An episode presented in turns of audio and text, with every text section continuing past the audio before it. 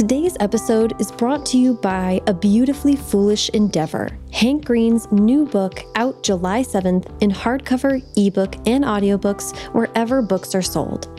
A Beautifully Foolish Endeavor is the sequel and conclusion to Green's debut novel, the New York Times bestselling and absolutely remarkable thing, which tells the story of a young woman thrown into fame during a global crisis of contagious dreams and mysterious robots. A Beautifully Foolish Endeavor is a bold and brilliant conclusion that asks whether anyone has the right to change the world forever. Library Journal's starred review said throughout this adventurous, witty, and compelling novel, Green delivers sharp social commentary on the power of social media and both the benefits and horrendous consequences that follow when we give too much of ourselves to technology. A Beautifully Foolish Endeavor is out July 7th in all formats wherever books are sold, and you can get more information about the books and Hank himself at hankgreen.com.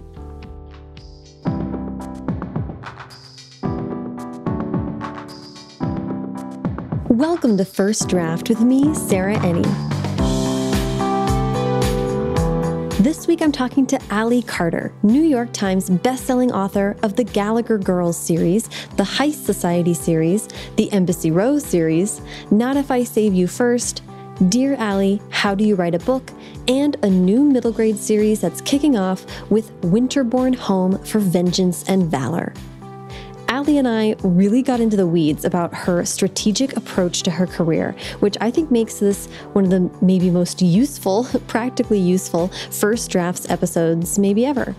I loved what Ally had to say about first writing every book as a screenplay, about making the leap from one series to another, having readers cool out of her books, and how the landscape of middle grade and YA has changed over the course of her career. Everything Ally and I talk about in today's episode can be found in the show notes. First Draft participates in affiliate programs, specifically bookshop.org. So that means that if you shop through the links on firstdraftpod.com, it helps to support the show and independent bookstores at no additional cost to you. If you'd like to donate to First Draft, either on a one-time or monthly basis, you can go to paypal.me slash firstdraftpod. Track Changes has been appearing in the First Draft feed for a minute now. It's the mini series within First Draft that's getting into everything you don't know you don't know about traditional publishing in the US. If you're looking to get even more in depth about publishing, I've also created the weekly Track Changes newsletter. You can sign up for a 30-day free trial of the newsletter and learn more about both Track Changes projects at firstdraftpod.com slash track changes. Okay, now, please sit back, relax, and enjoy my conversation with Ally Carter. So, hi, Ally, how are you? I'm doing great. Thank you so much for having me, Sarah. I'm so excited. I was hoping to be able to meet you in person, but as soon as everyone was housebound, I was like, let's just do it anyway. Yeah, I think that's great. well, I am so excited to chat. I, I like to start my conversations way back at the very beginning, which is where were you born and raised? I was actually um, born in Oklahoma and raised on a small farm in Oklahoma, um, about an hour outside of Tulsa. And so I grew up very, you know, kind of picture book ideal, you know, lots of cows, lots of chickens, lots of garden patches, you know, that, that whole thing. That, that was sort of my, that was my childhood and, and lots of opportunities for a person to use their imagination to entertain themselves. How was reading and writing a part a part of your life then? You know, my mom was an English teacher and English, speech, and creative writing, which I always like to joke that creative writing is the only class of hers I never took. so, because, of course, I went to a really small school. So when you go to a small school, everybody kind of does double duty. And uh, so I had her in class, and um, books were important in our house, but we didn't really have access to that many because it was, you know, a long way to the store. Um, mm-hmm. We didn't have, you know, of course, there was no Amazon, no ebooks, no, you know, anything like that at the time. The public library was very, very small. Um, mm So I think, I think to the extent that I think it might have actually been like a room in the jail. I know we never went to the public library, and I think that was why. but but, but, don't quote me on that. That might have just been, again, my imagination filling in those blanks. Um, so yeah, I, I, got a lot of stuff from the the school library, and I was really fortunate. There's a woman named Joan Bennett who was my elementary school librarian, and when I left elementary school and went to um, the middle school, she actually got transferred up to the high school. So I got to have her both uh-huh. all for my elementary school experience and all for my high school experience. And she is a phenomenal woman and a wonderful, wonderful friend and mentor. And so she made reading very fun. And and then she's definitely oh, a part of how I got here. Yeah, that's huge. And to have someone that knows your taste level and kind of yeah. developing, that's definitely. really great. Yeah. I I read a um I read an interview with you where you talked about going to Waldenbooks and getting a screenwriting book. Yes, I did. I, am looking around here. I probably have that. I actually I think I loaned that book to somebody. Um, I, I, I at the time I even though books were important in my childhood and I did some reading, I was kind of a reluctant reader. Um, mm. I when I found a story that I loved, I read it 18 times. Um, but I put down probably more books than I finished. And mm. so I thought that, you know, there was something kind of wrong with me because of that. But I always loved story and I loved imagination and I loved screen uh, movies. And so mm-hmm. I thought, well, I can be a screenwriter. And again, my mom being a teacher was very, you know, supportive of that. Like any kind of writing you want to do, we'll support it. And at the time, um, there was a little mall that was that you didn't have to go like into the big city of Tulsa to get to. You could just kind of go right on the outskirts of the city. Mm-hmm. So that mm-hmm. was like where we felt comfortable going. And they had a little Waldenbooks in there. And so we went in, and the only screenwriting book they had was Screenplay by Syd Field, which is, I think, if you talk to most screenwriters, that's chances are you know pretty good that was their first screenplay book because you pro- I yes. know I'm like I have it here somewhere. Exactly shelf in here. And I'll never yeah. forget sitting down and reading and um it ta- he talks about plot points and, and plot point number one is where it hooks into the action and spins the story in the opposite direction. And I, that visual of the hook and the spin I still go back to almost every day. Like how this story needs you know it needs to change it needs to hook it needs to spin. And so that was very very and you know and i learned that a, a, screenplay page is about the same as a minute of screen time. And all of those sort of basic things that even though i ended up not becoming a professional screenwriter yet um, i i still use those storytelling things almost on a daily basis. Yeah i mean it was really interesting to me to hear that that you that that was kind of the first craft book that you picked up because I do think um and we'll kind of get through your books in a second but there's so many kind of visual elements there's so many I feel like I can see the influence of how scripts are the propulsive element of mm -hmm. scripts is something that you seem to really take to with your writing. I thank you. I I do and I cuz I I I don't do, you know, like I can I can't have, you know, three or four pages where nothing happens.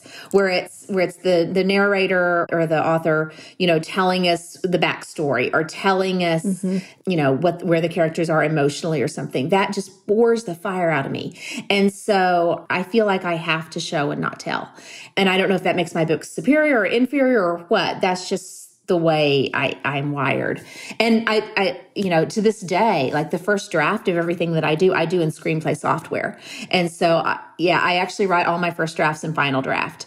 And so, oh, interesting. Um, yeah, it, because my books are pretty action packed and, and they're also very plot heavy. And so I don't want to spend a lot of time writing stuff like a subplot that I might end up cutting. So it's basically mm-hmm. just an outline, but with dialogue.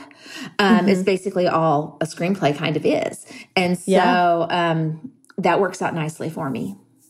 That's so funny. So more or less, your first drafts are screenplays. They, they really are. Yeah, it's you know, it's everything takes place in a scene. Everything takes place with dialogue. Um, yeah. I was reading a book last night that I'm probably not going to finish because it's not very good. Because I noticed that you'll have like you know seven pages of absolutely no dialogue because we're not in a place. We're not mm-hmm. you know that we're just kind of floating out in the ether and yeah. trying to take in information. And I would rather I would rather see that than be told that. I always like to joke and say um, that I write unrealistic, realistic fiction. So, so, so, everything that I write could technically happen. Um, it's not with it beyond the laws of physics or what have you, but it's probably not going to happen. Um, yeah, I love that. And and you reference the mission movies and everything like that. Yeah. It's like that's how we love them. It's reality it taken to to its extreme. It really, really is. Yeah. Um, well, I love that story about about finding the screenwriting, and also what it made me think of was that I think you were like a teenager when you had that um, conviction that you wanted to go into the world and be a writer. Yes, I was. Um, actually, the idea of being a writer came to me. I think I was in, in middle school, and I read mm. The Outsiders by S.E. Hinton. Uh. And so she, of course, is from Tulsa. The book is set in Tulsa. Tulsa was the biggest big city that we had, and so when I found out that she was from Tulsa and that she had, was a 16 year old girl when she published that book, I knew that that was something that was possible for someone like me, and mm-hmm. so that became kind of the dream. But because I was a reluctant reader it was it was a struggle for me. And then i thought okay i can do the screenplay thing. Um, mm-hmm. not knowing that the screenwriter gig is significantly harder so much harder. so much harder. So much harder to break in. You uh. basically have to move to la i can i can do i can write books from the moon if i want to. Um, it's you know it's just uh, that but you know 15 year old girl you don't know any better than that. And so and it seemed that a hundred page screenplay seemed accomplishable to me. Like that seemed mm-hmm. like a, a, chunk that i could bite off and yeah. so and, and i'm i'm really grateful to it in that way because that as you know it's it's important to start writing but it's also important to actually get to the end of some things. You know huge. that's one of the things you hear from lots and lots and lots of teen writers is they've got you know 40 things that they have 15 pages of. And it's it's important to get to the end. So screenplays yeah. were an excellent way for me to do that. And and and like you said i started doing that really in high school. Um, i finished my first screenplay i think in college and then i okay. kind of continued working on those just you know nights and weekends for fun in college and in graduate school and then um, after graduate school i got my first full-time job and sat down to write an, a new screenplay and um, set wanted to do like a character bios kind of of all the characters and I just kind of kept going, and that turned into my first novel. Not not one that's ever been published, but but that was the first novel I ever finished. Oh, okay. So, and I love this because I think you you went to uh, uh, undergrad and graduate school for agricultural economics. Is yes. that right? Yes. That's amazing. I love that. it's I, I don't know this for a fact, but I would say I'm probably the only YA author working today who can, you know, graph the supply and demand of fertilizer. It's it's cool. It's a good it's a good skill set. Um, no, yeah. all joking aside, I I do use my my degrees more than people would imagine because ultimately when you're a writer you're a small business owner and ultimately farms are small businesses and so, like when I'm talking about, okay, maybe it's time to incorporate, maybe it's time to, um, you know, whatever. Mm-hmm. It's it's very very helpful to know those things. Well, even the concept of a supply chain, yeah. and thinking about listen i'm in the middle of doing that series like you like i said yeah. about about uh, thinking about the publishing world as a business so i'm very much in that headspace and i think it behooves everyone to sort of step back from just the craft and the beauty of what we're doing and yeah. really think about how do we fit in the larger infrastructure. Absolutely does. And you know, I've I, have never really been super involved in writing romance, but I was for a long time a member of RWA, and so I would go to the RWA annual, annual conventions, you know, every two or three years for a long time, and it was so fascinating to watch the self publishing thing come along and to watch pub- authors have the opportunity to become their own publisher and to see the the writers and let's face it women who thrived under that and the women who sunk under that and for the most part mm-hmm. it was the ones who had business backgrounds it was, oh, yeah, I have an MBA from Stanford. Of course, I now make $3 million a year self publishing because they understood the supply chain. They understood not really releasing something until you had something else to release right on the heels of that because they know that people binge read and you want to be able to, to support, you know, feed that demand. And, mm-hmm. and the people, you know, the demand will die if you're not able to feed it. And, and so it's, a person should never think about this as oh i'm just an artiste you know that's fine if you right. do want to do that but don't expect to, to pay the bills um, you know expect to need a, a, day job expect to need a sugar daddy or a sugar mama expect something because it's it's a very hard hard business. And i think the margins are going to just get tighter after this. I'll be yeah. really curious to see um, what the industry looks like in a year.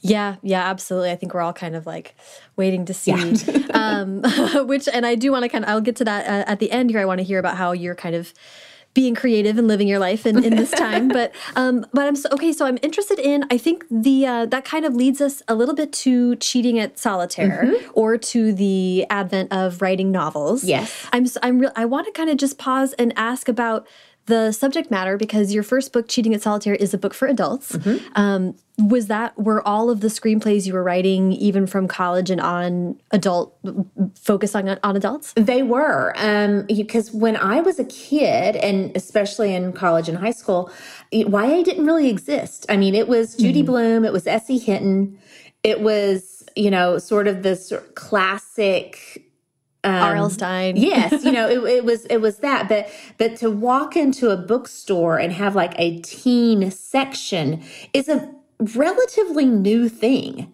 Um, mm -hmm. it, it's really I and, and I 100% attribute the success that I've had in this industry into being in the right place at the right time. Like, you know, mm-hmm. back to the the self-publishing people, the, the people who made serious bank on that or the people who became super big YouTube celebrities or whatever, they were the early adapters. And you've got to be an early adapter and really get it on the ground floor of something to have that to be able to experience the true boom. And in that sense I was 100% sheer dumb luck that I was able to be in, in on the boom of um, YA. and it happened. So I had, um, I had written that book that started as a screenplay and I got an agent based on that book. And it was called Burning Greenwood. It was kind of a literary mystery. And it was, it was, mm. you know, it was probably okay. I, I mean, I got an agent based on it. And um, she was a, a, new, it was Kristin Nelson, who is now a big, big agent. But at the time, you know, she was very small. So we kind of grew up together. And she said, you know, I think this is strong. I want it to be a little bit stronger. I'm going to have you do some rewrites on it. And so I overwrote it in that rewrite uh, process. I messed mm -hmm. it mm-hmm. up. And she's like, I think we need to take a break from this. And so at the time, chick lit was very much a big thing. And um, I one of the screenplays that I had done, I think in graduate school, was a screenplay called Cheating at Solitaire. And it was kind of a rom com about a self help author who um, is famous for being single. And then the paparazzi get pictures of her with a, a hot, young, up and coming actor. And everybody thinks, oh my gosh, she's got a boyfriend. And um, it ruins her life, you know, but it doesn't, of course. and and so I was telling that to Kristin, and she's like, "That's that's chick lit. What you have done is you have written a screenplay for a chick lit novel. Why don't you turn that into a book? I'll sell it." She's like, I won't have any trouble selling that. And then you'll get a little bit of money. You'll have a, you know, you'll have a credit under your name. And then we'll go mm -hmm. back mm-hmm. to your real book. We'll go back to this book, this very serious literary murder book that you wrote. and so that's what I did. So that was to this day, that you know, why I write everything as a screenplay first was because that book I wrote from a screenplay. And it was mm. super easy. I still had my day job at the time and I could come home and like on the weekends, I'd write 40 or 50 pages a day because wow. because it was all there. And I was I was right. again sheer dumb luck. You know I was just a big dumb kid. And I was like this is cool. Do do do do do. You know and I had no internal editor. I had no filter. It was I was basically writing fan fiction for my own stuff. And and it was and it sold and it didn't sell huge numbers um but it was a two book deal. And then the the the chick lit market crashed. And so it could not have come out at a worse time. Mm. but I had my agent. I had a, I had a deal under my belt. And Kristin had just done another YA deal for another one of her authors.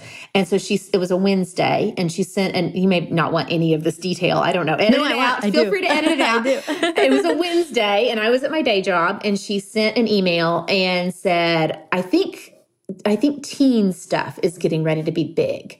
And this was like this was pre-Twilight. This was mm. this was a while ago. You know, this, she was very much an oracle on this. She was like, "I think this is getting ready to be a thing. Anybody mm. out there who wants to write YA, let me know." So I had just a bunch of busy work at the office that day. And I remember standing at the copy machine, like just kind of, you know, waiting for my copies to get done. And my mind is going and going and going. And I went back to my desk and I wrote down, I don't know, six to 10 ideas and sent her. And she wrote me back and she said, These are all terrible. Because I wrote, and I realize now in hindsight, they were the kinds of books that were being published when I was a teenager. It was a lot oh. of like, oh, my sister died, and now I have to process her with the grief, and oh, you know, right. It was all they were all kind of after school special type books. Yeah. And she's like, you need to think bigger, you need to think higher concept. So I went home that night and I popped a big bowl of popcorn. When I tell this story, I always include the popcorn. I don't know why. popped a big bowl of popcorn and I'm sitting in front of the couch with my laptop open and sitting in front of the TV with my laptop open, I'm just started making a list of high concept things. Okay, you know, you've got athletes, you've got movie stars, you've got pop stars, you've got um, criminals, you've got, you know, whatever. And I, I put spies on the list. And then I immediately discounted it because Spy Kids was a relatively recent movie. And I was like, I ah. don't want to write that. That's already been done. So I immediately moved on to other things. And then I was watching Alias, which of course was a mm-hmm. spy show. And I misunderstood what was happening in the episode because I was kind of just half watching. And it was it was an episode called The Orphan, and it was the main character had found out she had had a half sister who grew up in Argentina in an orphanage. And I misunderstood what was happening, and I thought she was growing up in a spy school. And I turned up the volume. I was like, oh my gosh, this is so cool. They're doing a spy school. And then they weren't doing a spy school. And I got so mad. I was like, why aren't they doing spy school? Spy school would be amazing. And then I thought, wait a second. I need a high concept YA idea. Why don't I do one set at a spy school? So that's where Gallagher oh Girls gosh. came from. So that was a very long winded story. And I don't even remember what the initial question was. And I'm no, sorry. No, I love that. that was, that was going to be it was how we kind of went from writing adult to and I love that. I, I mean, what I really am drawn to and what I really like about being able to kind of share your story with people is that you're, you know, I say this as in a complimentary way. You're very strategic, right? You're very Thank like you. able to then identify what you wanted to do. You're excited about it, but it also makes sense for you, and you're thinking about a career mm -hmm. um, as opposed to, like you said, just kind of wanting to go where the wind takes you and and there's something to be said for that. You know, I I, yes. I now wish I could get back to that. Like I think I've gone too strategic and too business minded. You know, I I don't know if you know if big dumb kid Ally sitting on that couch, if she'd been, if I think it was would have been very easy for me to have overthought my way out of the biggest thing I'll ever do in my career. And mm. so I do mm. think that there is something to be said for writing that first idea that you get and the thing that you think this would be cool, this would be fun. I want to play in the sandbox. Mm-hmm. Um, mm-hmm. I kind of I kind of miss that a little bit because it is it is easy to overthink and to mm-hmm. lose track mm-hmm. of you know we we friends of my writer friends and I, we talk a lot about writing from a place of id. You know, what is, mm. what are mm. the things that you're just kind of hardwired to like, the things that you just have always been drawn to that you wanted to read when you were a 12 year old. And, mm-hmm. um, I, I, don't want to get too far away from that because it, it, those are the things that, that readers then respond to. Yeah, yeah, that's true. That's true. Um, uh, you did a, pr a, pretty good job just setting up, but do you mind uh, giving us the pitch for the Gallagher oh, Girls? No, uh, so um, I, I always start every project with one question, and that is, what's the worst that can happen? And that is my job is to mess my characters' lives up in the most interesting way possible. And so I thought, okay, if you're a girl who goes to the world's best boarding school for spies, what's the worst thing that can happen to you is a boy. it's always, pretty much always, the boy is the worst thing pretty that can possibly happen. and, and at the time, again, you know, I'm coming from a place of adult chick lit. And chick lit, I didn't know it at the time, but it made a lot of sense that we were still in that sort of phase, and, and maybe we still are, where whatever is big as an adult, you will eventually get the YA wave of it. And so we were, even though adult chick lit was very much crashing, the or on the verge of crashing at the time, um, the YA wave was still kind of going strong. Mm-hmm. And so I, it, it, I came to that story mostly as as a rom com, and so mm-hmm. um, something that I had just always kind of told myself or like used jokingly with friends or whatever is I'd say, "Oh, I'd tell you I love you, but then I'd have to kill you," and so that was that was a saying that I had actually used in my regular life for a very long time, and and I had um, I don't remember if I had read I don't think I had read um, but you know, I was that day I had looked up a bunch of things, a bunch of YA books that were selling really well, and one of them was "The Earth, My Butt, and Other Big Round Things." And I I love the idea of a really long title, and so mm. I sent it off to Kristin. Was like, okay, girl goes to a boarding school for spies falls for a normal boy who can never know the truth about her. And, you know, basically hijinks ensue. And this is the title. I'd tell you I love you, but then I'd have to kill you. And that was all I knew when I sent that to Kristin. And Kristin wrote me back immediately because she's a workaholic and said, This is it. This is the one. Go. Give me, give me, give me, give me pages. I need to sell this right now. And so I did. I sat down, I wrote a 10 page synopsis and 36 sample pages and we sent it off and um, it got preempted at auction a couple you know a week or two later and so it was very fast and furious from that point and it, it sold to a woman named donna bray who at the time was with disney hyperion and donna's a genius and a visionary and she saw the change coming like she saw the, the, the adult chick lit crash coming she knew that the ya crash would be behind it and mm. so she was like I this was all happening in I believe April of mm-hmm. 2005. She said this has to be on shelves by by next March. Like wow. And so and I had 36 pages in a full-time day job. So I set about the business of trying to write this entire book because it had to go to copy editing in like October. And wow. so it was very fast and furious and I wasn't able even though we sold two books, I was and I I knew that I wanted to have enough gas in the tank to do a series if it worked. And so I knew I had to have some sort of big unanswered questions by the end of mm-hmm. it. So that's why I gave my heroine a missing father who had also been a spy. He disappeared on a mission, never came home. It's the dominant question of her life is what happened to my dad. And I said about writing that first book having absolutely no clue about any of that, you know, because I had no time to sit down and create like an elaborate backstory. And these are the twists that are coming. And this is what's going to happen in book six. Like, I had no idea, none whatsoever. I just wrote and and it wow. turned it again sheer dumb luck because i think if i had sat down and, and planned everything out i probably would have come up with something that was significantly less good um, mm-hmm. or, or didn't work as well. Um, right. When you're forced to do something so quickly. And so then you're just kind of like tapping into whatever is. Yeah. There's something to be said for passing by the frontal cortex, right? And just there writing. Really is. There really, really yeah. is. Um, Sarah Rees Brennan, who I adore, um, talks a lot about the clay pot experiment. About they did, did an experiment with two groups of kid people who were studying pottery, and um, one they said your job is to take twelve hours and make the most perfect pot you possibly can. And the other group, they said, your job is to make as many pots as you possibly can. And the people who made, whose job it was to just stop thinking and just make pots, they made better pots than the people who their job was to make a perfect one. And so mm. I think about that all the time. Like you said, just yeah. just pa- bypass that brain and go and and see what yeah. comes out. Yeah. I like that. Well, and and I want to ask about that experience. It sounds like a wild summer. it was very wild. Um, and not only are you writing what could potentially be the first of a series, but you're also doing it in this new voice, the young mm -hmm. adult voice. How how was that? did you kind of take right to it, or what were were there any stumbling blocks?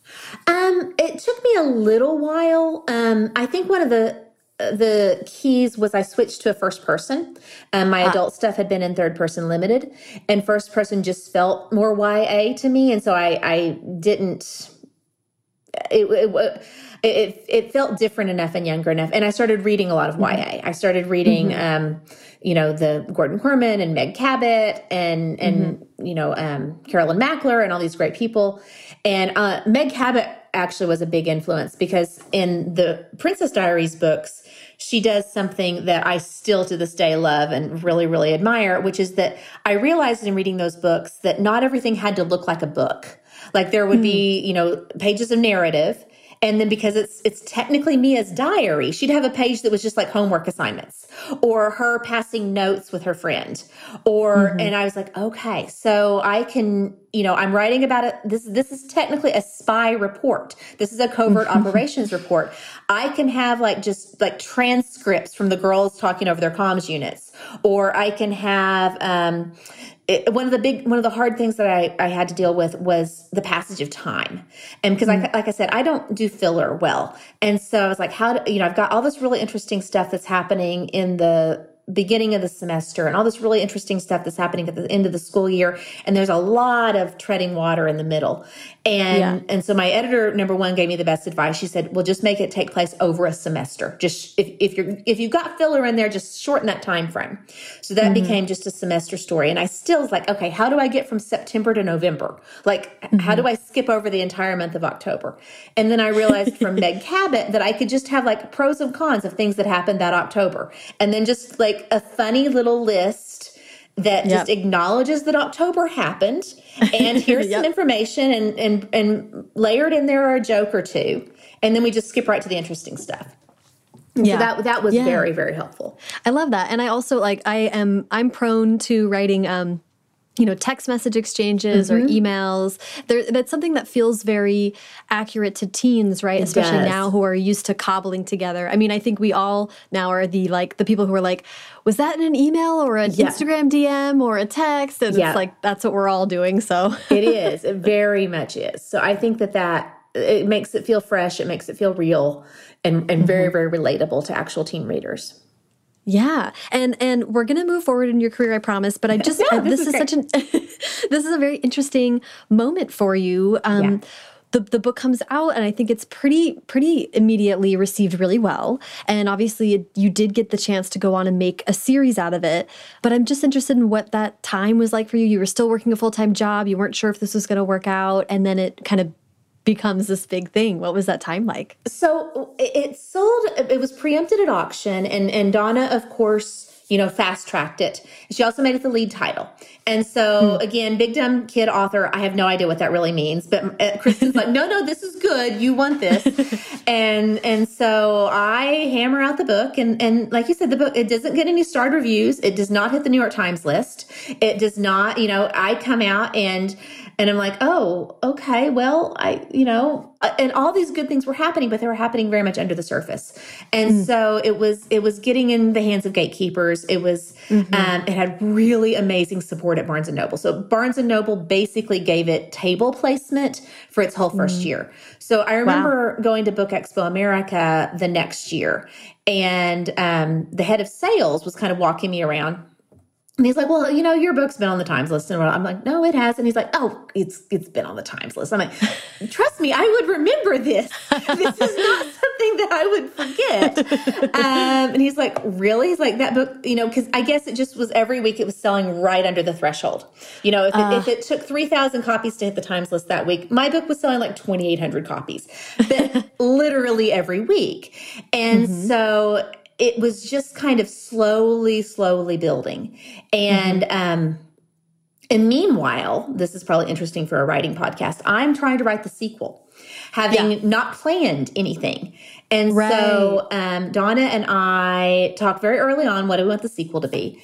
And so there's a, there's a throwaway line in book one that's just a joke. It is purely just a joke where it talks about one of the girls who's kind of like the head gossip at the school. They say that she's been swearing for years that there's a top secret boys school in Maine. And so Donna is like, what if? And I'm like, wait, hold on, I've got an idea. And then we're both at the same time like, boys school in Maine. so we're like, okay, we're, we're, we're going there. We're, we're doing something with the boys school. And so I sit down and start writing and I do that thing that you shouldn't do, which is I start overthinking it. Uh. And I start, and I started with a premise, but not a plot. And mm. this is hugely, hugely, hugely important and different. So I knew the boys were going to come to the girls' school. And then what? like you got the scene, but the boys show up at the girls' school. And the next day they go to class. And then they have dinner. And the next day they go to class again. And it's like, okay, this is not a book. And so right. I turned in something based on that plot and I was like, ah, why don't we try this again? And so then I kind of did like the Hogwarts style, like school, like battle of the schools kind of thing. Mm-hmm. And that just didn't really work. And so I ended up writing three different books basically for wow. Cross My Heart and Hope to Spy. And th- those were dark days because again, Love You Kill You was selling really well. Like, and so every week I'd get the call that the book, the book is, you know, if you do, if you can nail this second book, you're, you've got a career. Like this is, this mm-hmm. is going to set you up.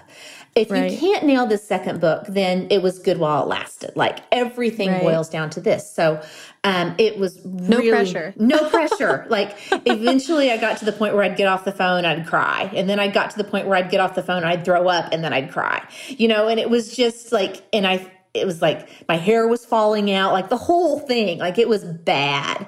And so at the time, Jennifer Lynn Barnes and I had just become friends on MySpace, which this dates everything here. and Jen's parents live in Tulsa, and my day job was about two hours away from Tulsa. And um, she had come home. She was in graduate school at the time. And so she'd come home for Christmas break. And she's like, just drive down to Tulsa. We'll go to the movies. And I'm, i remember telling her, like, Jen, I can't, my, none of my clothes fit. I've done nothing but eat for six months. Like, she's like, I don't care. Wear what you're wearing right now. Just come get away from this devil book.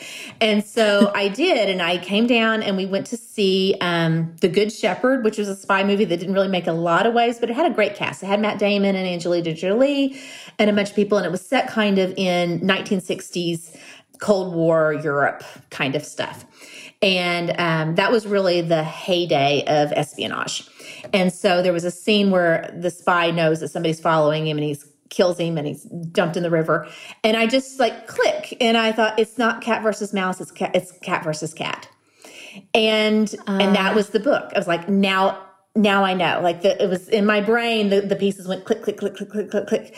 And I went home and I took a leave of absence from my job. And like, I don't know, a few weeks later, I had a book and it was wow it was the book that debuted on the times list and it is to this day most of my readers favorite books and it almost killed me. Um, to this day though for every book i've ever written there's been that moment. There's that one linchpin thing that once i either the characters don't make sense until i get that or the plot doesn't make sense until i'm like oh uncle eddie has an identical twin. I'm like oh then everything mm-hmm. in this book makes sense right now. You know it's you i just have to wait for the linchpin to show up yeah, and I'm interested for you. Is that like a visual thing, or is that uh, how does that kind of uh, for? Because for me, when everything locks into place, it doesn't necessarily mean I know the details, but I feel like I know the beats, and then I just have to work out the details. It can be, yeah, pretty much that. Pretty much, okay. um, you know, I, there's one big piece of everything that makes everything make sense. It's like mm -hmm, almost mm -hmm. more like a a decoder ring kind of thing. Yeah. You know, like, okay. So for for example, with my Not If I Save You First book, which is the one um, set in Alaska. And I couldn't figure out who this character was, and you know, like, what? Why is why is this funny? Like, nothing about this is is funny. Like, how do I make this into a rom com? And then I was, and then I wrote a line where it was she was telling the kid, the guy who has kidnapped her in the wilds of Alaska, while the you know storm of the century rages around them, where she says, you know, um, I have Taylor Swift's signature scent, which makes which isn't as good as it sounds because to a bear, Taylor Swift smells delicious. and then I was like, oh, that's who she is. She's the girl. She's the girl who wants to smell like Taylor Swift, but she can't because then a bear would eat her. and from that moment, she made sense. Now there were definitely plot yeah. beats and things that it took me a while to get, um, mm-hmm. but but the characters were locked in at that point. I, I yeah. knew I knew I could do it.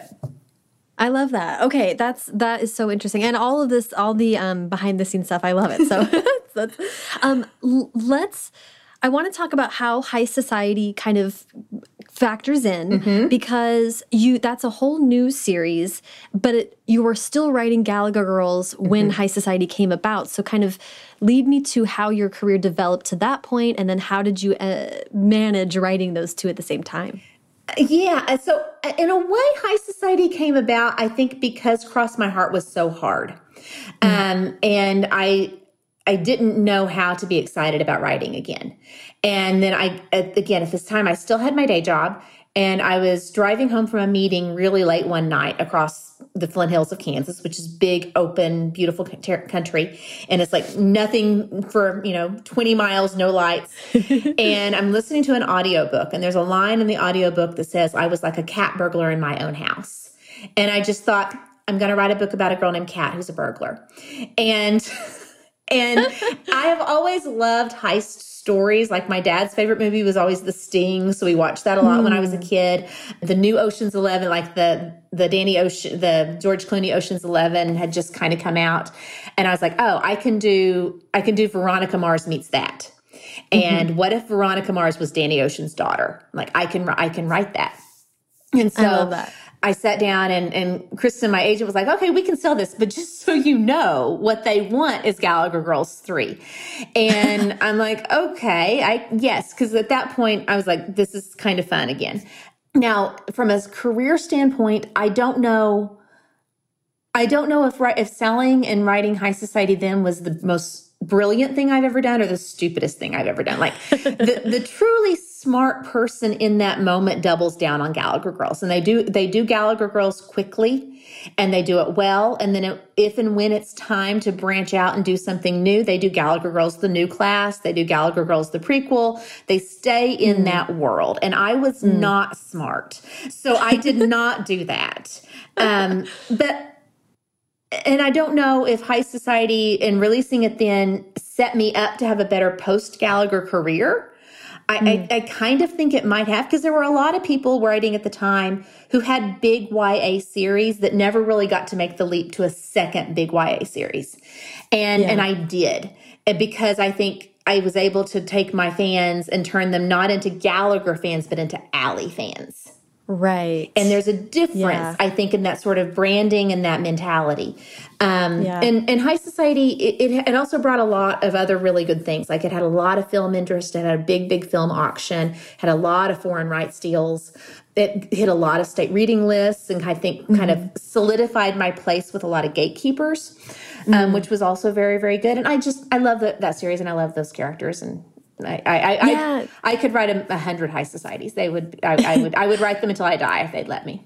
Uh, do you mind just doing the quick pitch for that series? Okay, yeah, yeah. Um, it's basically Veronica Mars meets Ocean's Eleven. It's um, so it's it, Kat Bishop is the daughter of the world's greatest art thief, and all in the world she wants to do is leave the family business.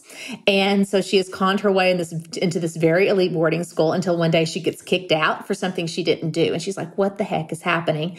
Turns out her dad is in trouble. Um, a very bad mobster type guy um, has had five priceless paintings stolen, and he thinks Kat's dad did it. And he says, You basically have two weeks to get my paintings back, or else, but you can't return what you didn't steal. Mm-hmm. So Kat basically her best friend breaks her out of this boarding school and is like, you know, look, we got to save your dad. And the only way to do that is to track down the real thief and steal the paintings back. So that that's Heist Society one. Then there were three books in the series so far. So um, that was that was a lot of fun. I, I really, really, really love Heist Society. Yeah, and I, I like you, am very drawn to that type of story. So it's a and, and, the cover is so great. Thank you. They're high. When I sold Heist Society and um, was in the process of writing it, I had so many people who were like, "I love heist books. I'm going to sell one too." And and then all of them in the weeks and years following, I'm like, "How's your heist book?" And they're like, "Oh yeah, I gave that up." Leigh Bardugo and Holly Black and I sit around sometimes, like you know, old old old men on a porch, you know, somewhere, you know, talking about the good old days, and talk, just bemoaning how hard heist books are because yeah, there's I always like to say there's the con you run on the mark and there's the con you run on the reader, and the second yeah. one's the hard one. Yeah. Like that that's what makes a heist movie different than like a Mission Impossible movie where they're always stealing something. They're always stealing something in a Mission Impossible movie. And I always thought to myself, Mission Impossible movies are just heist movies in disguise. But then I realized no, there's a slight there is that key difference in that you you never are supposed to think that that Ethan Hunt didn't pull it off. Like whereas yeah. you're always supposed to think that Ocean's 11 crew didn't pull it off Like you are always yep. supposed to think that that SWAT team is getting them. And so yeah. that's, it's, it's that reader con and that's the hard part. Uh, just at, at, at a very practical level, at this point, you have two series going on is the when does the day job go away oh, when yeah. are you able how do you focus on two at once it goes away then so what i did because i knew that cross my heart was so hard and so brutal and and again at this point love you kill you is selling you know a couple thousand copies every single week and we we had a really it, we we didn't know that it would, but but it felt really likely that book two would hit the list. And so I told myself I was going to trade my second job for my second series. So that's that's when I quit, and I, uh. I, ah. gave notice at my job. And so I was actually at a conference with my day at my day job, um, a big conference that I actually organized. And when I got the call that I was on the Times list, and I was like, this is awesome. Now I have to go give a, a presentation to a bunch of dairy farmers, but this is great. I'm going to go celebrate with the dairy farmers. And, um, and, and, and at that point I had given my two weeks notice. So I, I sell my house in Kansas. I buy a house in Tulsa that's a couple of miles away from where my sister lives. And I make the transition to full-time writer.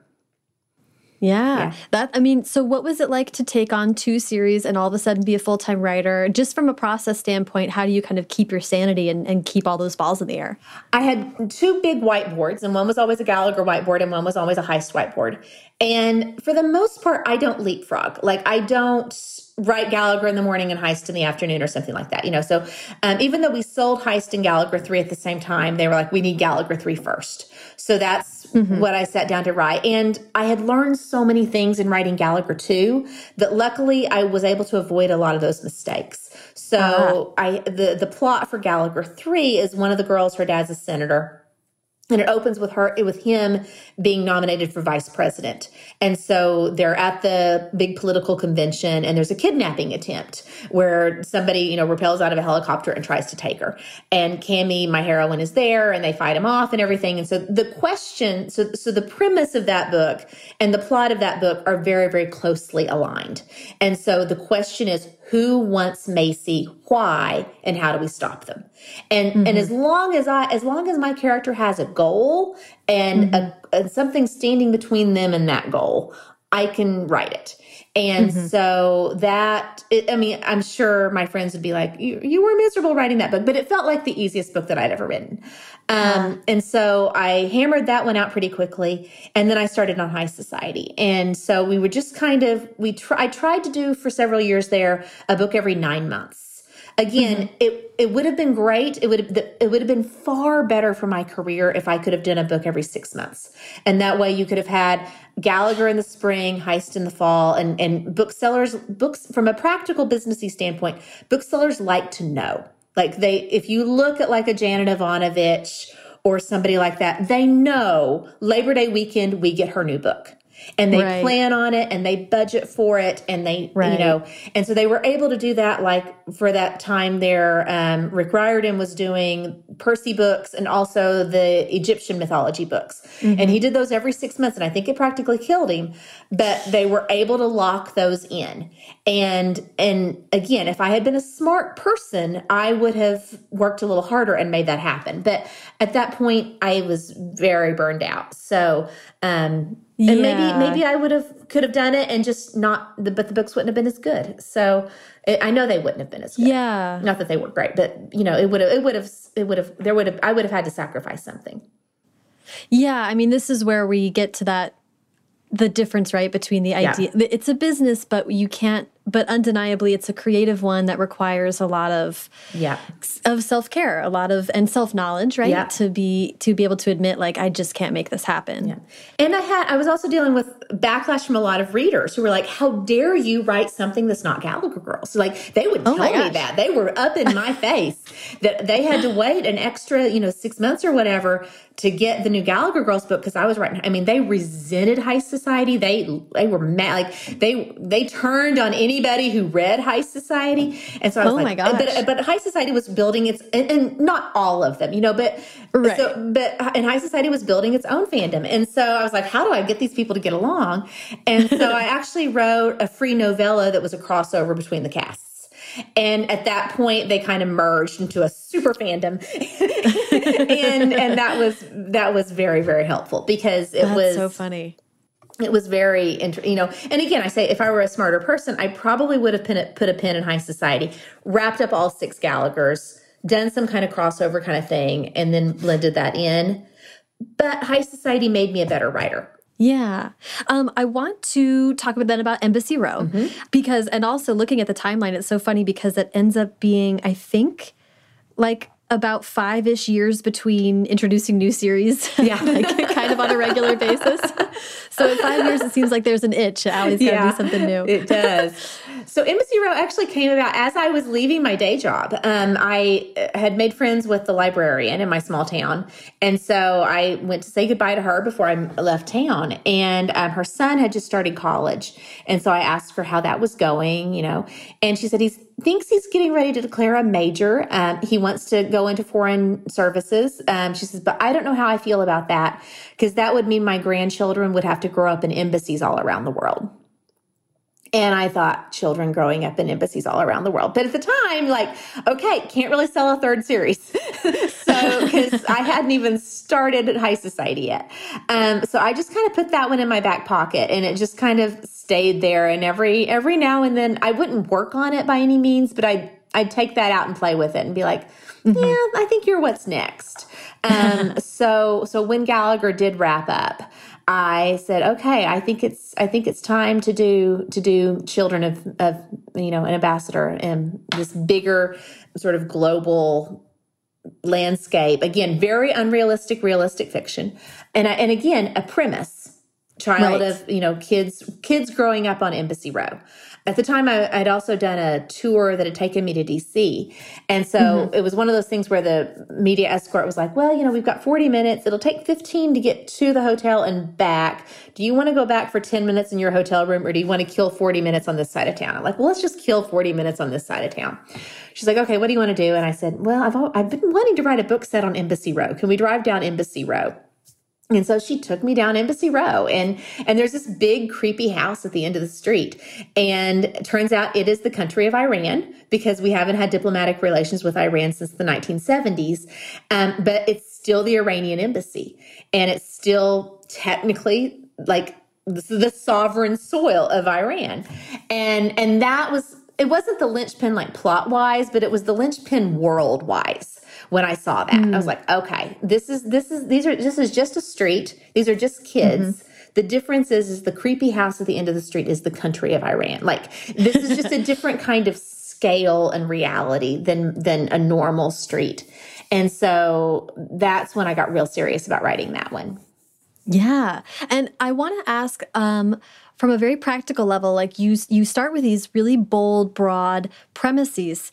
How do you then break it down into composite parts to have a character and a cast and their specific motivations? How do you think through that? It's it's a little bit different every time, I think.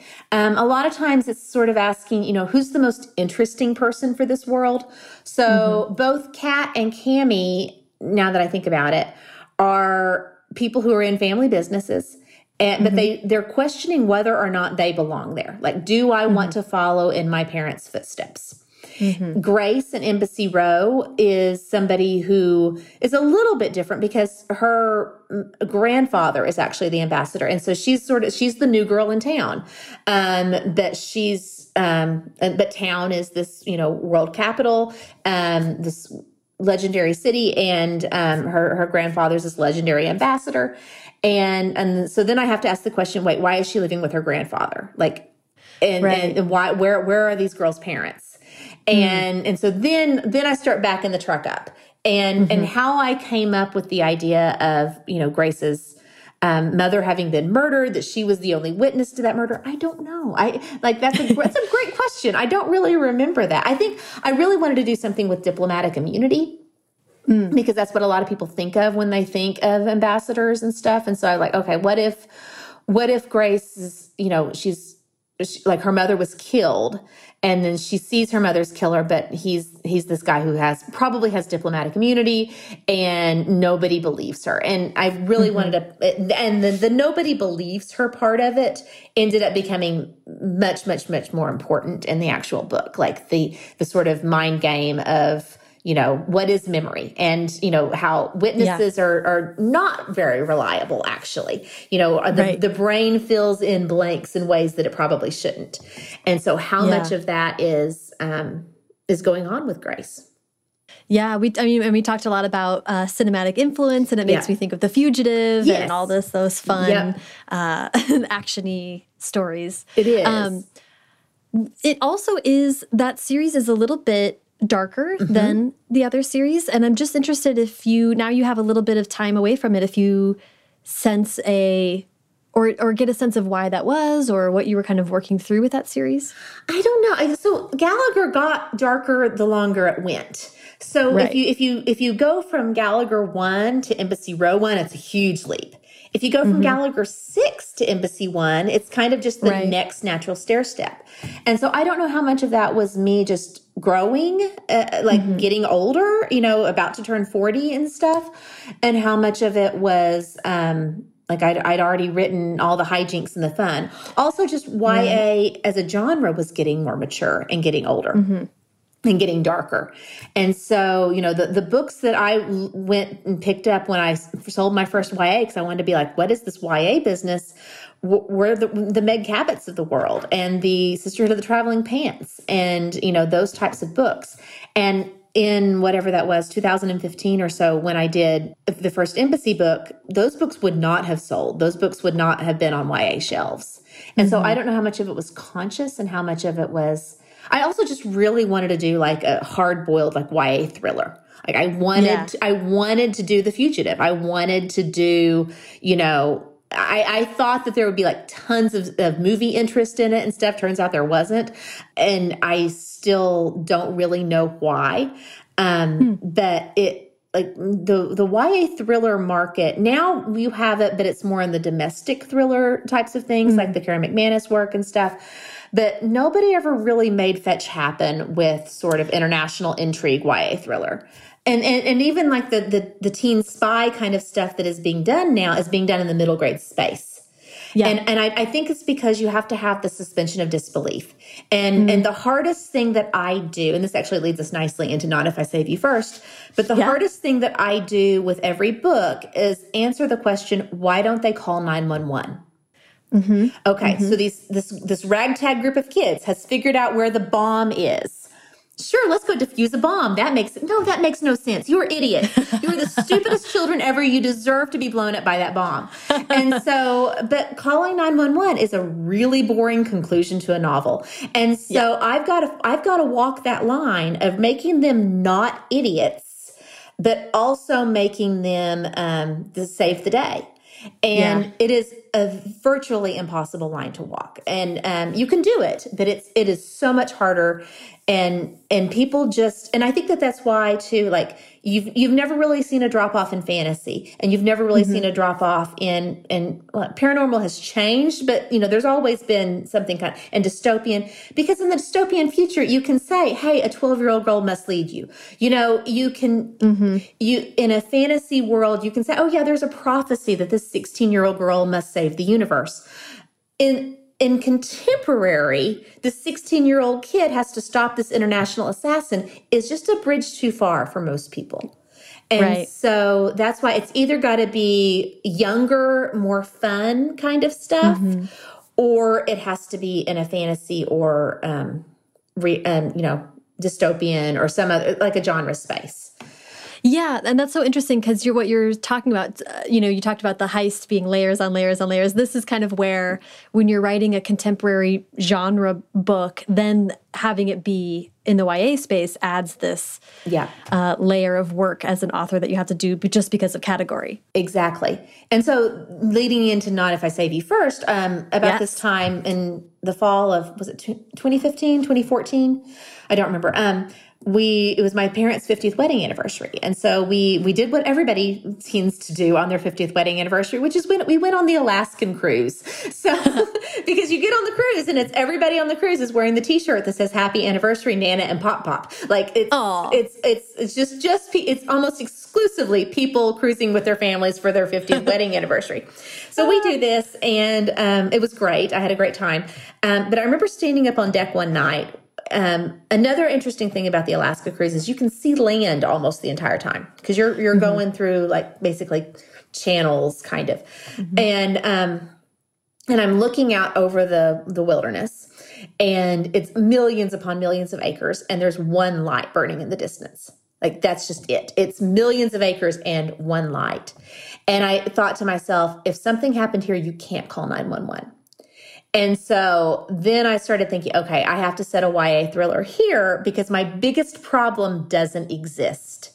like I, I can write a book where the girl has to save the day and nobody's going to think she's an idiot because she didn't just stop and go to the police station because there is no police station. And right. so that's that's how Not If I Save You First came to be.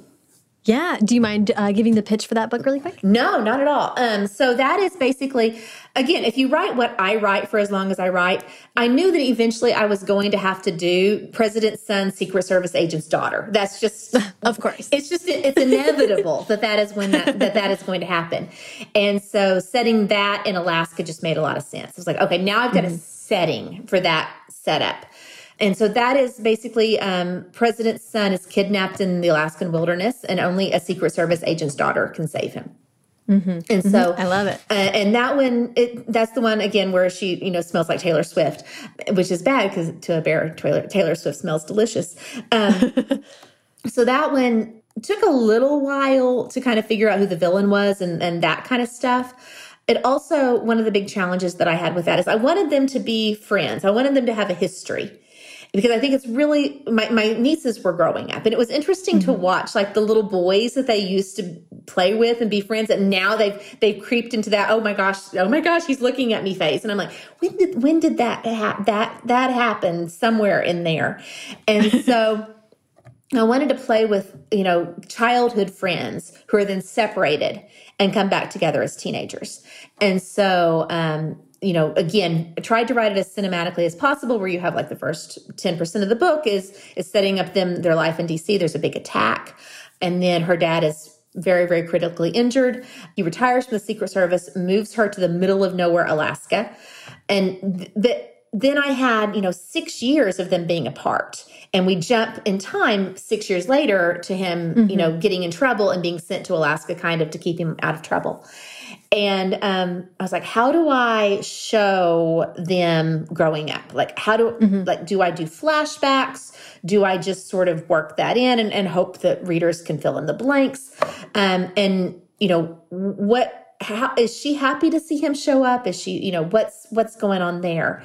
And then I was at a, a writing retreat with Sarah MacLean, who's a brilliant romance author. And my favorite book of Sarah's is a, a book called A Rogue by Any Other Name. And in it, it's childhood best friends who then are grown apart, you know, separated, and they don't see each other for like 20 years. And at the beginning of every chapter, she has a letter that the little girl that they had written back to and forth to each other when they were children. And I thought, okay, I can do that. That I can have Maddie writing him letters and that those can open the chapters. And so that became very, very important as a way of sort of showing her arc and her growth. And mm-hmm. then the fact that he never wrote her back is right. the source of a lot of contention when he does show up. So we, so automatically we've got a lot of built-in anxiety and tension and hatred and like long seething stuff right there. And then all of a sudden he's kidnapped and she's got to save him. And she's like, I really want to kill Logan, but I have to save him first. And so that's that's the book. Yeah. And and it is a standalone book. It is. Yeah. So, so at this what point, was I had transitioned. I'd done Embassy Row with David Levithan at Scholastic, mm-hmm. and David and I were talking about what to do next. And he's like, "I think you know you have never done a standalone. why don't you try that? I think you would really like that. You know, you wouldn't have to get in your head and like plot three books ahead and all this kind of mm-hmm. stuff. He's like, you you'll leave it all in the field, basically. And and also from a business perspective, standalone is a great thing to do if you're trying to hit state reading lists. You know, it's it's a great sort of entry point into an author because if you hand mm-hmm. me an if you're like oh you need to try you know so and so you're going to love it Her, she's got a 14 book series i'm going to all i'm going to hear is holy crap that's going to take you know uh, this this i'm like committing the next year of my life to reading this person mm-hmm. whereas especially if you've got like a reluctant reader a kid and you can just hand them this one off here try mm-hmm. Ally carter if you like mm-hmm. this there are 14 other books in other series that we can hand to you start here yeah. so so that made a lot of sense and I just I I very much wanted to do just the YA action adventure rom com, and and tell it all, leave it all in the field. And in that sense, it was it was so much fun, and I really really enjoyed it. Now my friends again would be like, "You were miserable writing that book," because I'm miserable writing everything. Um, and and the hard part is always for something like that. Again, filling out, figuring out who the villain is, what do they want. But once that, but the the world and the characters always made sense. Once that once that Taylor Swift line came to me, the the characters always made sense. Yeah, was it fun to then just be able to to walk away from something or did you feel like you were leaving something behind or? It was kind of fun and kind of freeing. You know the, the problem now is that not if i save you first just hit a whole bunch of state reading lists and stuff. And now when i go on tour the question that i get is where's not if i save you first too? And i'm like well it kind of doesn't exist. Um, so so i'm always trying to think about like how do i catch that lightning in a bottle again? You know what what is a a, a similar experience that i can give mm-hmm. to readers that's either either an actual companion novel where Maddie and right. Logan do show up in book two, or just something else that's a tightly branded separate standalone. And so I'm trying to figure out what that would be. Um, mm-hmm. Because it would be nice right now to have a sequel coming out, you know, that those readers could could you know latch right onto. But from a from yeah. a creative standpoint, I feel really good where I left that one. Um, well, let's talk about. I really want to talk about Dear Ally, and then we can talk about Winterborne. Um, and thank you for for being so patient as oh, we no, walk through all, all of this. Um, so I I love that you went ahead and wrote Dear Ally. Uh, how to it's Dear Ally. How do you write a book? Mm -hmm. can you just tell me about how this came about? Well, I'd always liked a lot of write, reading advice I'd, or writing advice. I'd always written a lot on my own. I had a big section of my website and blog and stuff that was kind of dedicated to it. And for years, I'd thought, um, you know, because you do enough events, you do enough signings, you get enough reader comments or whatever. You, you hear, you know that there are a lot of kids out there who are, are serious about writing. And so I had spent a lot of time kind of toying with the idea of just taking those articles and blog posts and stuff and bundling them into an ebook, putting them up for 99 mm-hmm. cents or whatever, just so they're all kind of in one place for people. Mm-hmm. And then I was doing the um, Tween Reads conference in Houston with the Blue Willow Bookstore. And um, three different sessions in these ginormous gymnasiums, like full of kids the very first question three different kids asked in all three sessions the very first question was i'm working on a novel do you have any advice and these were like nine year olds who were asking this question. And I thought, okay, this is, you know, these kids are very serious about it. It's not, do you have any advice for authors or for writers? It's, I'm working on a novel. I've already started something. Like I am in the process yeah. of this. And so again, at the time I'm, I'm working with David Levithan and the Scholastic and have a really good relationship with them and with the Scholastic book fairs. And I thought, okay, this kid needs a hard copy of this book and they need it to be in their scholastic book fair that's where they're going to find it because the hard yeah. part with YA nonfiction is where do you shelve the stuff um, right. because it's it's almost a non-existent portion of the store Mm-hmm. So I thought, okay, they can get it through the book club. And I, it was 2016 during the election. And so mm-hmm. I would, I was wor- working on Not If I Save You First during the day. And then I'd come home and um, watch election coverage and go crazy. And I was like, I need something like fun to I can kind of focus on. So I, I, went back into those old blog posts and started pulling them out and kind of typed up a proposal to David. And he he got back to he's like, I love this. He's like, this we have no idea where we will shelve this, but we're but, but let's do it.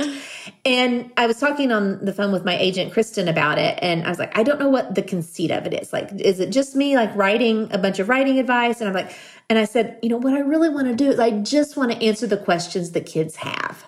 Mm-hmm. And then mm-hmm. she was like, why don't you just answer the questions that kids have? And so I worked with, again, with Scholastic and my website and put a form up and I just advertised far and wide. Like, if you were an aspiring writer, if you're a teenager, let me know what your questions are. And we had got over a thousand questions. And so then I just had to sort them out. And, you know, of course, it was like of those thousand, like 900 of them were, where do you get your ideas? Um, right. But, but it was, it was really, I, I, I can't imagine writing that any other way because there were definitely things in there that I would not have thought to include. Like there were a lot hmm. of questions along the lines of like, what do you do when people find out you're writing a book and they laugh at you? You know, and, and mm-hmm. a lot of sort of self esteem, self confidence type questions. And mm-hmm. so um, it, it, I think it made it made for a stronger book to actually just yeah. just not even mess around, just get right to what the kids want to know. So let's talk about Winterborne, Winterborne Home for Vengeance and Valor, yes. uh, which just came out. And I and uh, I want to talk about Winterborne, and then I want to talk about scripts, and then we'll wrap up. I promise. no, but, this is great. Um, I'm having so much fun. oh, good. Me too. Um, I'm so interested in uh, you've you've talked about this in a few interviews, but I'd like to hear about what made you think about shifting to middle grade. That was actually a conversation that I, have been having with some folks about how if, and actually it was David who said, you know, if you submitted, I'd tell you I love you, but then I'd have to kill you to us today, we would reject it. And we mm -hmm. would have you rewrite it as middle grade and resubmit it because mm-hmm. in the you know 10 15 years since i started the ya spectrum has just moved slowly older slowly older slowly older and so you know you've got the folks like meg cabot who were the the queens of ya who are now in middle grade and so i it was you know kind of always inevitable like you look at like mm-hmm. love you kill you in the early books and yeah they they don't really truly fit you know i've always kind of crossed you know had a foot in each world um, mm-hmm. i think and and i'm happy to have i think that that's a lot of why i've been able to have a career as long as i have is is booksellers mm-hmm. know you've got the kid who has read all of the percy jackson books four times what do you hand them next they mm-hmm. think they're ready for ya they may not actually be ready for ya but they sure think they are okay we hand them gallagher girls you know that's just always. So it, it, felt really nice. And then I was talking to a bunch of different editors, including my current editor, Katherine Onder, who I had actually worked with on Gallagher and Heist Society at Disney, um, because editors, you know, move around. Mm -hmm. And um, we were talking about like you just can't do whimsy in YA. You just can't have that same sort of level of this is a goofy, cool, fun thing. I think I'm going to do it. I always used to joke that readers didn't age out of my books, but they cooled out of them. Like I just got a little too cool for Ally Carter. And I'm like, that's fine. Most people are too cool for Ally Carter. Um, and so it felt really nice to be able to think about writing for middle graders who, oh yeah, you know, oh the stairs turn into a slide. Cool, let's do that. Um, yeah. Where you can't do that in a YA book. Yeah. Well, let's let's talk about Winterborne specifically. Yeah. Um, do you mind pitching that series for no. us? No. So this one is um, to again do the the Hollywood thing. It is Batman meets Annie. So it's basically um, a little a girl who's been in the foster care system for ten years. Her mother left her, and um, her mother left her with a note saying she'd be back and a key. And so April has had a key for 10 years. And of course, if you've had a key for 10 years, you've been obsessed with a lock. And so she realizes that the lock has something to do with the famous Winterborne family. And when she gets asked to go live at Winterborne House, she thinks this is great. I am going to find what this key opens. And um, so the Winterbornes are a very famous family um, who very fam- very wealthy, very sort of, you know, pillars of industry types. But 20 years ago, the entire family died in a boating accident, except the, one of the sons, the youngest son, Gabriel. And so Gabriel lived in Winterborne House all alone for 10 years. Then on his 21st birthday, he just disappeared. And so now it's 10 years later. Everybody assumes Gabriel Winterborne is dead. Like Gabriel Winterborne's dead. The courts are going to declare it on his birthday. We've turned his house into an orphanage, inter orphan girl who is sneaking around trying to find what her key opens when she realizes that Gabriel Winterborne is not dead. He is living in the cellar of Winterborne House and he is back to take vengeance on the man who killed his entire family. And so and and they sort of form a very unlikely alliance. So it's basically it. And, Batman was back. He didn't tell anybody he was alive, and his only ally was little orphan Annie. I love that. the um and the main character is I think 12, right? She is 12, yeah. Yes, yeah. She is. Um so you kind of firmly set it at least in the US for that's middle grade. Definitely. That is yes. Uh, and and even though you know, I hopefully it'll be a, a longer running series and and they will technically age you know mm-hmm. i i think it's always going to be in that in that middle grade space um i, I definitely yeah. didn't want anybody to to i didn't want it to be ambiguous as to is this ya mm-hmm. is this middle grade because let's face it that does not exist in our current book industry. We, yeah. I, I don't know that there is a New York publishing house that is that would publish a 14 year old or a 13 or a 15 year old heroine if you paid them. I don't yeah. know, and that that as, as, somebody whose nieces are 13 and 15 that hurts me because i'm like nobody's nobody's publishing books for for these girls. Um, yeah it's a bummer. it is. Yeah. So yeah so we so we went with 12 and how did what was that i'm, I'm interested in was there any kind of challenge or unexpected um, you do have to shift a little bit of tone and style when you're talking about middle grade. What was that experience like it was interesting um, trying to get back to that to that place I was at with "Love You Kill You." Basically, I just mm -hmm. wanted to write it like "Love You Kill You," but without kissing, and mm -hmm. um, and and that that was it was hard. I kind of had to you know scale myself back. Um, mm-hmm. One of the more challenging things is, again, back to why don't they just call 911? Like, right. you can kind of stretch that with a 16 year old, 17 year old, 18 year old character. It's a lot, you have a lot less rope with that with a 12 year old character. Like right. you've really got to have a good reason why you're telling a 12 year old, "Hey, there's a half dead guy in the basement. Don't tell anybody." Like that's that's a that's a hard stretch. And yeah. so it was that was one of the more challenging things about this book was figuring it out how how again they can be smart and they can also have agency because it's it's hard in a contemporary world to put to put that much in a 12 year old character's hands yeah, yeah. I want to ask about about. I read an interview with you where you were talking about your um, writing kind of process now is very structured and you do so much work ahead of time to know what the book is going to be but in that interview you kind of said that you're that it's time consuming and that you're frustrated by that mm -hmm. um, so i'm just interested to to hear your thoughts on that i i too am frustrated by how it just takes me a, a while i just I just want to be a big dumb kid, Ally, again, and just sit down and be like, "This sounds cool." Do do do do do. I type it now, and I, I don't know anybody who actually likes their process. First of all, it's it, it always seems like this book, this book, I'm going to figure this out and I'm going to make it easy. like this is going to be the one, Sarah. This is the yeah. one where we have yeah. found the magic bullet. Um, but but we don't. It's always hard.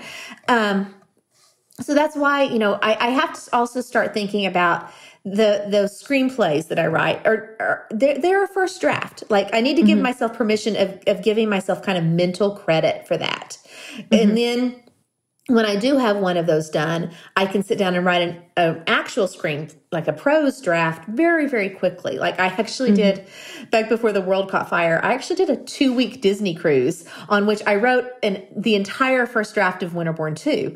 Um, oh my gosh. Yeah, because I had the screenplay and I was like, what I need is like two weeks of no internet access and somebody bringing me food. And where do you get that?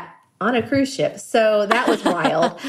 So yeah, I've tried a bunch of different things and always in the guise of trying to make it easier and it's mm -hmm. never easy. Yeah, I actually I think that hearing you say like no one likes their because I think we all imagine that someone somewhere is just yeah. easily producing yeah. a book a year. Oh, but oh, yeah, obviously Holly Black is sitting you know somewhere and like ravens are bringing her coffee and it's and, you know wild uh. ivy is growing up around her while she and like no no Holly hates her process. Everybody hates their process. So yeah. it's it's it's almost freeing when you find that out. Yeah. Um, uh, I just want to ask about scripts and then we can wrap up with, with yeah. a really quick round of advice. But um, you recently on Twitter were kind of talking about, uh, I think there was a, I don't know, something a deadline or something an author had said what how oh, Hollywood could be nicer to writers, yes. um, to authors that is. Um, and I, I, I just would love to hear where you're at with screenplays and what you would like to do with them and and how you're um, I don't know how you're thinking about that being a potential part of your career going forward. Yeah, I, I, you know, all the way going back to that first book and the, that first, you know, 14 year old me desire, it's never really left me wanting to write movies. And, and every book that I write, I write as if it will be a movie. You know, mm -hmm. it is mm-hmm. a movie in my head that I transcribe. But I've also had a lot of things optioned and have never really made it past the script stage with stuff before. Mm. So I've often wondered why don't I just write the scripts? Um, right. which is a very you know there's a, there's a good reason why most authors don't do that. Um, because it is a very different medium and a very different skill set and it's it's a process and it's it's it is a different beast. Um, but but it has become something that I've wanted to to do. And so when I was working on the Embassy Row books all just the kind of the way the contracts read and calendars laid, laid and everything. I always turned those books in on like December 1st or December 15th or something. And then I would do nothing but lie on the couch for a week and watch cheesy Hallmark Christmas movies. And it was glorious. And so yes. I would get about, I'd get kind of punch drunk about Thursday and I'd be like, I could write one of these. I could write one of these over a weekend. Heck, you know, back in my day. And so finally I was like, you know, I need to stop talking about writing one of these and just write one of these. So I did. I sat down and wrote one called A Castle for Christmas about a woman who and a duke who accidentally buy the same castle as you do and they have to live there over christmas before they because they don't dare let the other one like establish residency or whatever right and so i have a, a good friend who lives in la and, and is a, an author herself and she also has like a boutique law practice and i had let her read it and she's like i'm okay this is i, I like this this is good.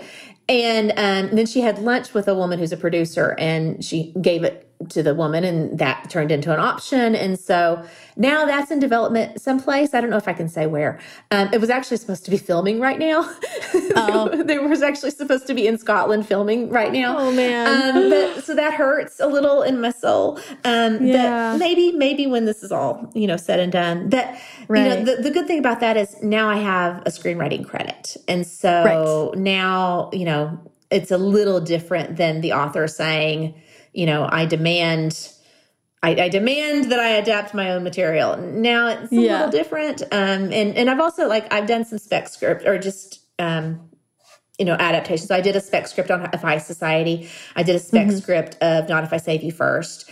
And, mm-hmm. you know, whether or not those things are ever made is probably a very long shot, but I'm a firm believer that you write for yourself for free for a long time mm-hmm. before you write for money.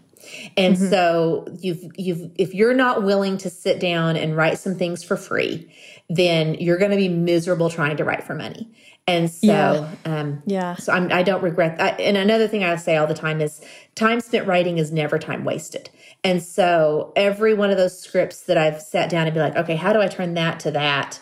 Has taught me something about story and it's taught me something about craft. And so yeah. um, I'm, I'm a big believer in that. And I think everybody should try to write a screenplay. Yeah, well, I definitely agree. And I think, uh, you know, I think it shows that you started with that as kind of the backbone because it really it hammers into you like plot, nothing is wasted. Um, is there a quicker way, to, yeah. you know, could you accomplish three things at once if you said it in a yeah. different, you know, like there's a lot of mental gymnastics that will help you work through. And it, it's impossible to show, not tell, or to tell, not show. Um, yeah. if you're doing everything in a screenplay form. And so um, that has really it's made me a bad reader because I get very frustrated when people don't do that. But I think it's made me hopefully a better writer. Yeah. And I mean, it's not like you're got moving boxes out to move to LA or anything like no, that. You're... no, I don't think so. I, you know, I think if I did any screenwriting, it would be like on limited, you know, types of properties, either stuff that I wrote on spec and then sold or mm-hmm. um, like my own books or something like that. I don't, I don't, I don't see me going in taking, taking, doing the couch and water tour as my friend calls it. Like, yeah. I don't, I don't think I'll spend a lot of time doing that. Probably. All right. Well, if you ever come to LA again, uh, let me know. Yes, definitely. I'm in town. Um, this has been so fun. Oh my gosh, I could talk to you all day, but we do have to wrap up for for this convo. Um, we just talked about how you have a whole book about writing advice, but I'm going to ask you to uh, just kind of I, I actually would love to hear as someone who has written several series, if you have advice for someone who is maybe even starting out with a book that has series potential, like what would you tell them? I would tell them, first of all, I have two different pieces of advice. And one from a craft standpoint, one from a business standpoint. From a craft standpoint, every book in your series, the world has to get bigger. Mm. That you mm-hmm. can't just go back to Hogwarts. You've got to, on the train, you've got to go to Hogwarts on a flying car. And then when mm-hmm. you get there, you've got to go into some, into the Chamber of Secrets. You know, that you've yeah. got to go new places. You have to meet new people. Um, I like to say, um, what do I like to say? Something about new people. Um, new characters equal new conflict, and conflict equals gas in the tank.